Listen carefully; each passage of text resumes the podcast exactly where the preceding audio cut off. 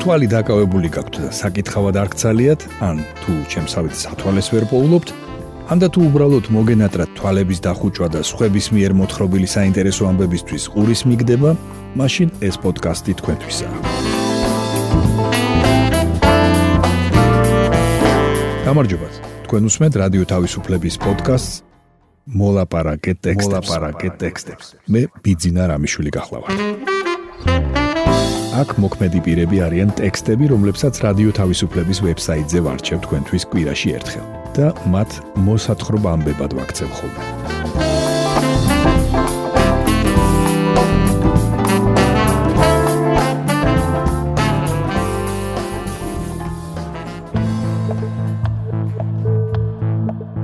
გესაუბრებით გელათის მონასტრის გადარჩენისთვის ბრძოლაზე. გაგაცნობთ მეტროს სადგურ ვარკეთილის განახლების გეგმას. მოგითხრობთ, როგორ დაიღუპა ყაზახეთში შიმშილობით მილიონ ნახევარი ადამიანი.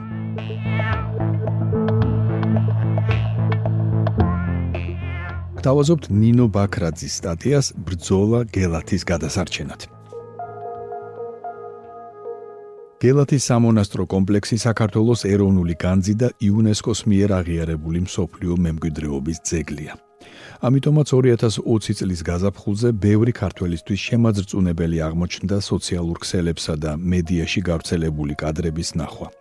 გელათის სახურავის ნაწილი ლურჯი ტენტით იყო დაფარული. ტაძარში წყალი ჟონავდა, ფრესკები კი დაზიანებული იყო. შიშობდნენ რომ გელათი ბაგრატის ტაძრის მსგავსად შეიძლებოდა იუნესკოს მსოფლიო მემკვიდრეობის ნუსხიდანაც ამოეღოთ. გელათი დღესაც საფრთხეშია. სამონასტრო კომპლექსში შემავალი ორი ეკლესია დროებითი გადახურვის ქვეშაა და ექსპერტები შიშობენ, რომ წვიმამ ინტერიერი შეიძლება კვლავ დააზიანოს. თუმცა გელათის მონასტრის წინამძღვარმა იოსებ ბურჯანაძემ რადიო თავისუფლებას უთხრა, რომ ყველაფერი გეგმის მიხედვით მიდის. გელათში ღვთისმსახურება წმინდა გიორგის სახელობის ტაძარში მიმდინარეობს. არავინ იცის თუ როდის დასრულდება სარეკონსტრუქციო სამუშაოები.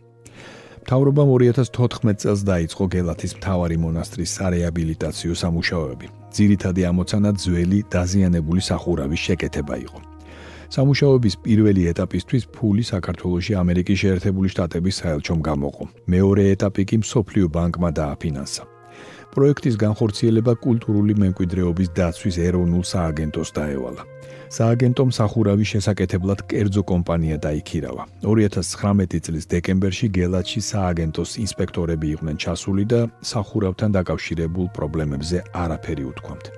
თუმცა საზოგადოების აღშფოთების შემდეგ, რომელიც ფოტოების პუბლიკაციას მოხვა, მთავრობამ იუნესკოს 2020 წლის სექტემბერში აცნობა, რომ ახლად გადახურული სახურავი დაზიანებული იყო და ამ შენობაში წვიმის წყალი ჩადიოდა.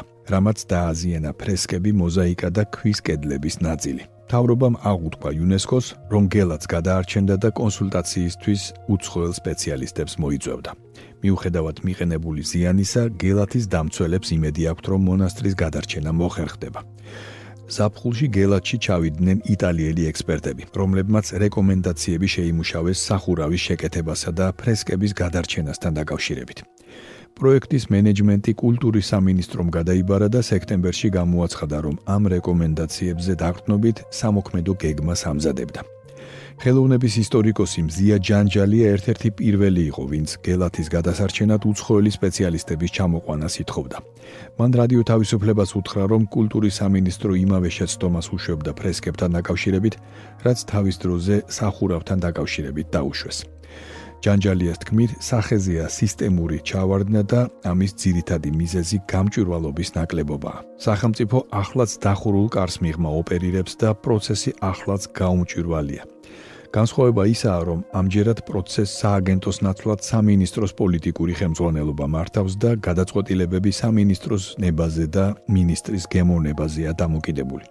კულტურის მინისტრს და მის გუნდს კი იურიდიული განათლება აქვთ მიღებული და ამ სფეროში გამოცდილება არ გააჩნიათ. განაცხადა ჯანჯალიამ. კულტურის სამინისტრომ არაერთი მცდელობის მიუხედავად არ უპასუხა რადიო თავისუფლების შეკითხვებს გელათის რეკონსტრუქციასთან დაკავშირებით. როგორც ჩანს, კამპანიამ შედეგი გამოიღო. 3 დეკემბერს კულტურის მინისტრმა თეა წულუკიანმა განაცხადა, რომ გელათის სამონასტრო კომპლექსის ტაძრის სახურავი სავარაუდოდ მოსახსნელი იქნება. ეს გახდათ ნინო ბაქრაძის სტატია ბრძოლა გელათის გადასარჩენად.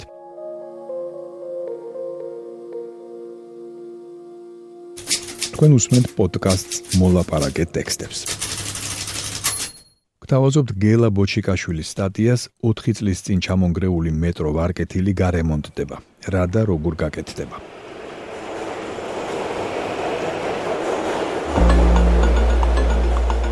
თბილისის მერია გეგმავს გაარემონტოს 4 წლის წინ ჩამონგრეული მეტროს სადგური ვარკეთილი.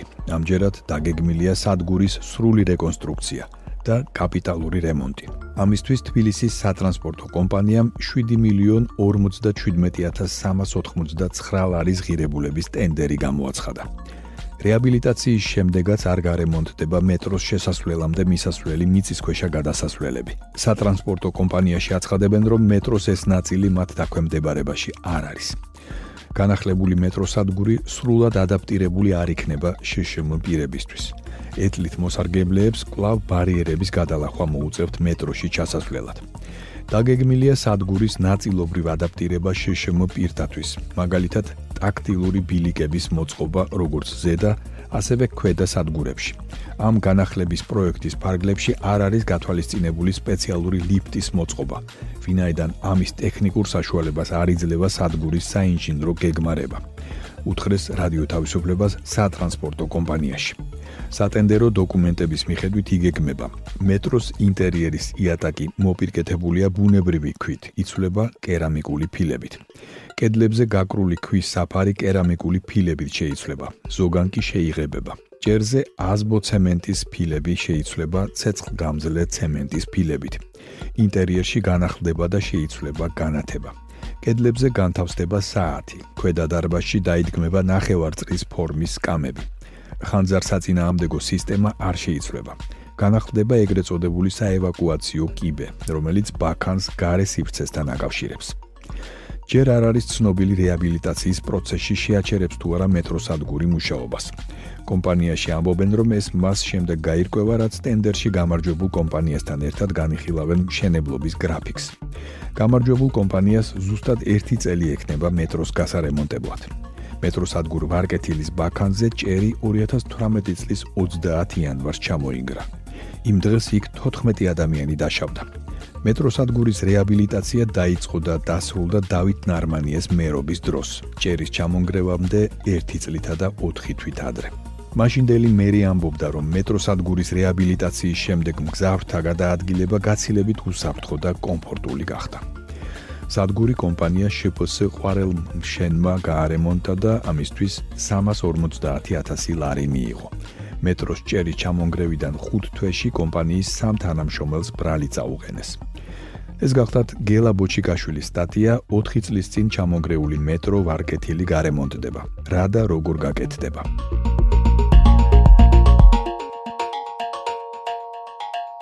თქვენ უსმენთ პოდკასტს მოლაპარაკე ტექსტებს. მოისმინეთ თეა თოფურიას სტატია შიმშილობა საბჭოთა ყაზახეთში. როგორ დაიღუპა მილიონ ნახევარი ადამიანი. ალმათიში იმ შენობის წინ, სადაც ადრე საბჭოთა უშიშროების სამსახური იყო, მონუმენტი დგას. გამხდარი ქალი ხელში მომაკვდავი ბავშვით. ეს არის მემორიალი იმ შიმშილობის მოსაგონრად, რომელმაც 1931-33 წლების ყაზახეთში სულ მცირე მილიონ ნახევარი ადამიანის სიცოცხლე შეიწირა. ისტორიკოსების გათვლებით შიმშილობას, რომელიც ყაზახეთში დაჩქარებულ კოლექტივიზაციას მოხვა, მინიმუმ მილიონ ნახევარი ადამიანი ემსხვერპლა. თუმცა ვარაუდობენ, რომ მათი რიცხვი კიდევ უფრო დიდი იყო. 1980 წელს ყაზახეთის უნივერსიტეტის პროფესორ თალას ომარბეკოვს ნება მისცეს შიმშილობასთან დაკავშირებული საარქივო ჩანაწერები ენახა. მისი თქმით, დაღუპულთა რაოდენობად იქ 2.3 მილიონი ადამიანი ეწერა. ამასთან საუბარია მხოლოდ ეროვნებით ყაზახ მოსახლეობაზე. თუ დავამატებთ სხვა ეთნოსებსაც, გამოდის, რომ მაშინ ყაზახეთის მოსახლეობის თითქმის ნახევარი გაწყდა. ივარაუდა პროფესორმა ომარბეკოვმა. ყურალ თოქმურზინი რადიო თავისუფლების ყაზახურ სამსახურთან საუბრისას იხსენებს, რომ კოლექტივიზაცია ყაზახეთში კულაკებზე ნადირობით დაიწყო. კულაკებში იგულისხმებოდნენ ისინიც, ვისაც რამდენიმე ძროხა ან 10-ოდე ყვარი ჰყავდა. ამბობს, რომ მაშინ უსახსროდ დატოვებული ხალხი ცენტრალურ რუსეთში, ირანში ან უზბეკეთში გადასახლდა. დარჩენილებმა ტანჯვით, მაგრამ მაინც შეძლეს პირველ ზამთარს თავი გაეტანათ. შემდეგ კი უკვე შიმშილობა დაიწყო. იმ წლებზე საუბრისას ყურალ თოქმურზინს ბიძამისი შითანი ახსენდება. ის სამუშაოს საშოვნად დღევანდელ ვოლგოგრადში წავიდა, მაგრამ შემდეგ ისე უკან დაბრუნება განიზრახა, რადგან გაიგო რომ თავრობა ყაზახეთში დახმარებას ანაწილებდა. შითანს უთხრეს გზები გვამებითაა მოფენილი, ცხედრებს მგლები ჭამენ, ნადირი თავს დაგესხმება, ან კიდევ უარესი კანიბალების რომელიმე ჯგუფს ჩაუვარდები ხელშიო. მაინც გადაწყვიტა წამოსულიყო. შემდეგ ძმის შვილს გაუმხილა, რომ გზაზე მართლაც აედევნა რამდენიმე კაცი და მათგან თავის დასაღწევად გაყინულ მდინარეში გადახტომა მოუხდა. 20-იანი წლების ბოლოს სტალინი ერთპიროვნული მართველი ხდება და იწყებს განხორციელებას თავისი მთავარი ამოცანის დაიმორჩილოს სოფელი. მაქსიმალურად ამოქაჩოს მისგან რესურსი, რომელიც თანამედროვე ტექნოლოგიებისა და ინდუსტრიის გასავითარებლად სჭირდება. ეს ინდუსტრია თავის მხრივ სამხედრო ძლიერების საფუძველია. რა თქმა უნდა, ამ კონვეიერში 100.000ობით და მილიონობით ადამიანი იჭრიდება. ისინი უუფლებოდ, ფაქტობრივად ბატონყმურ დამოკიდებულებაში დარჩნენ სახელმწიფოს პირისპირ. ჰოლოდომორი ამ კამპანიის შედეგი იყო. ეუბნება რადიო თავისუფლებას საბჭოთა წარსულის კვლევის ლაბორატორიის წარმომადგენელი ირაკლი ხვადაგიანი. ყაზახეთში დაღუპული ადამიანები მხოლოდ ნაწილი იყო იმ მასობრივი შიმშილობისა, რომელმაც ყაზახეთთან ერთად უკრაინა, ჩრდილოეთი კავკასია, დასავლეთი ციმბირი, ვოლგის რეგიონი მოიცოდა, თლიანობაში საბჭოთა კავშირში 14 მილიონამდე ადამიანი შეიწირა. რიცხვები ამ შემთხვევაშიც მიახლოებითია. საბჭოთა რეჟიმის დროს ამ ფაქტებზე ღიად არ საუბრობდნენ. შემდეგ დეტალების დაზუსტება კი უკვე საკმაოდ გართულდა. ირაკლი ხვადაგიანი ამბობს, რომ საბჭოთა კოლექტივიზაციის შედეგად ერთიანდებოდა მთელი რესურსი, ამ შემთხვევაში მოსავალი თუ საქონელი. ხალხს მხოლოდ მინიმუმს უტოვებდნენ, ძირითადი ნაწილი კი სახელმწიფოს მიჰქონდა. კოლექტივიზაციასთან დაკავშირებული დოკუმენტების დიდმა ნაწილმა დღის სინათლე პირველად საბჭოთა კავშირის დაშლის შემდეგ იხილა. მაშინ, როდესაც ადგილობრივი არქივები ჟურნალისტებისა და მკვლევრებისთვის გახდა ხელმისაწვდომი. იყო თუ არა დაჩქარებული კოლექტივიზაცია გამიზნულად ეთნოსების წინააღმდეგ მიმართული ქმედება, ამასთან დაკავშირებით ერთი აზრი არ არსებობს. უკრაინაში ამ შიმშილობას ჰოლოდომორს უკვე უწოდეს გენოციდი. რაც შეეხება ყაზახეთს, ზოგი მკვლევარი ფიქრობს, რომ საბჭოთა კავშირი მიზანმიმართულად დევნიდა ადგილობრივ მექარავნეებს და რომ ამ ყველაფრის მიღმა მართლაც შეიძლება იკვეთებოდეს არა ზოგადად ხალხზე, არამედ ეთნოსზე ძალადობის ნიშნები. ტორონტოს უნივერსიტეტის პროფესორი ისტორიაში ლინ ვიოლა ერთ-ერთი მათგანია, ვინც სტალინურ რეჟიმს სწავლობდა. კონფერენციაზე, რომელიც სტალინიზმის ისტორიას მიეძღვნა, მან განაცხადა, რომ მომხდარი არა ეთნოსების, არამედ სოციალური ჯგუფების წინააღმდეგ იყო მიმართული. მისი თქმით, ეს იყო ერთგვარი ქალაქური რევოლუცია, განხორციელებული იმ პარტიის მიერ, რომელმაც სოფლის მეურნეობის შესახებ თითქმის არაფერი იცოდა. მეტიც, ეზიზღებოდა კიდეს გლეხები. საარქივო მასალები, რომლებიც მან ნახა, დაწვრილებით აღწერდა მომხდარს, რაც აშკარად მიუთითებს იმაზე, რომ მოსკოვში ყველამ კარგად უცხოდა, როგორი კრახი განიცადა დაჩქარებულმა კოლექტივიზაციამ. გენოციდზე უარესი, ასე შეაფასა მომხდარი ლინ ვიოლა. ციტატა: შიმშილობის თემა მთლიანად პოლიტიკური ხასიათისაა. რუსული მხარე ამბობს, ჩვენც ხომ დავზარალდითო. დიახ, ისინიც დაზარალდნენ, მაგრამ თუ შიშველ რიცხვებს შევხედავთ, ზოგიერთი ჯგუფი უფრო მეტად არის დაზარალებული. ამ ერებს გაცილებით მეტი უბედურება დაემართათ ვიდრე შიმშილია. საშილნად ჟღერს, მაგრამ ეს კოლონიალური დამოკიდებულება, რომელიც მოსკოვსა და სხვა ბევრ რესპუბლიკას შორის არის, შეიძლება გენოციდზე გაცილებით უარესიც კი იყოს. ამბობს პროფესორი ლინ ვიოლა. თქვენ მოისმინეთ თეა თოპურიას სტატია შიმშილობა საბჭოთა ყაზახეთში, როგორ დაიღუპა მილიონ ნახევარი ადამიანი.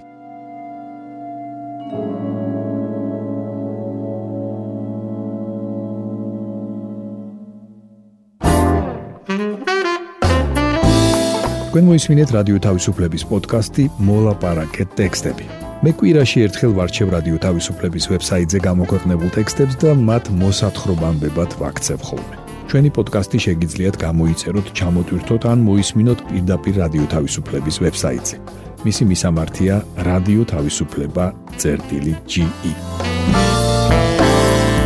თუ ჩემი მიერ მოთხრობილი ტექსტები სრული სახით დაგაინტერესებთ, მათი მოძებნა იულია. ვებსაიტზე, პოდკასტის გვერდზე იპოვით ყოველ ცალკეულ პროგრამაში მოთხრობილი ტექსტების ბმულებს. მე ბიძინა რამიშვილი ვარ.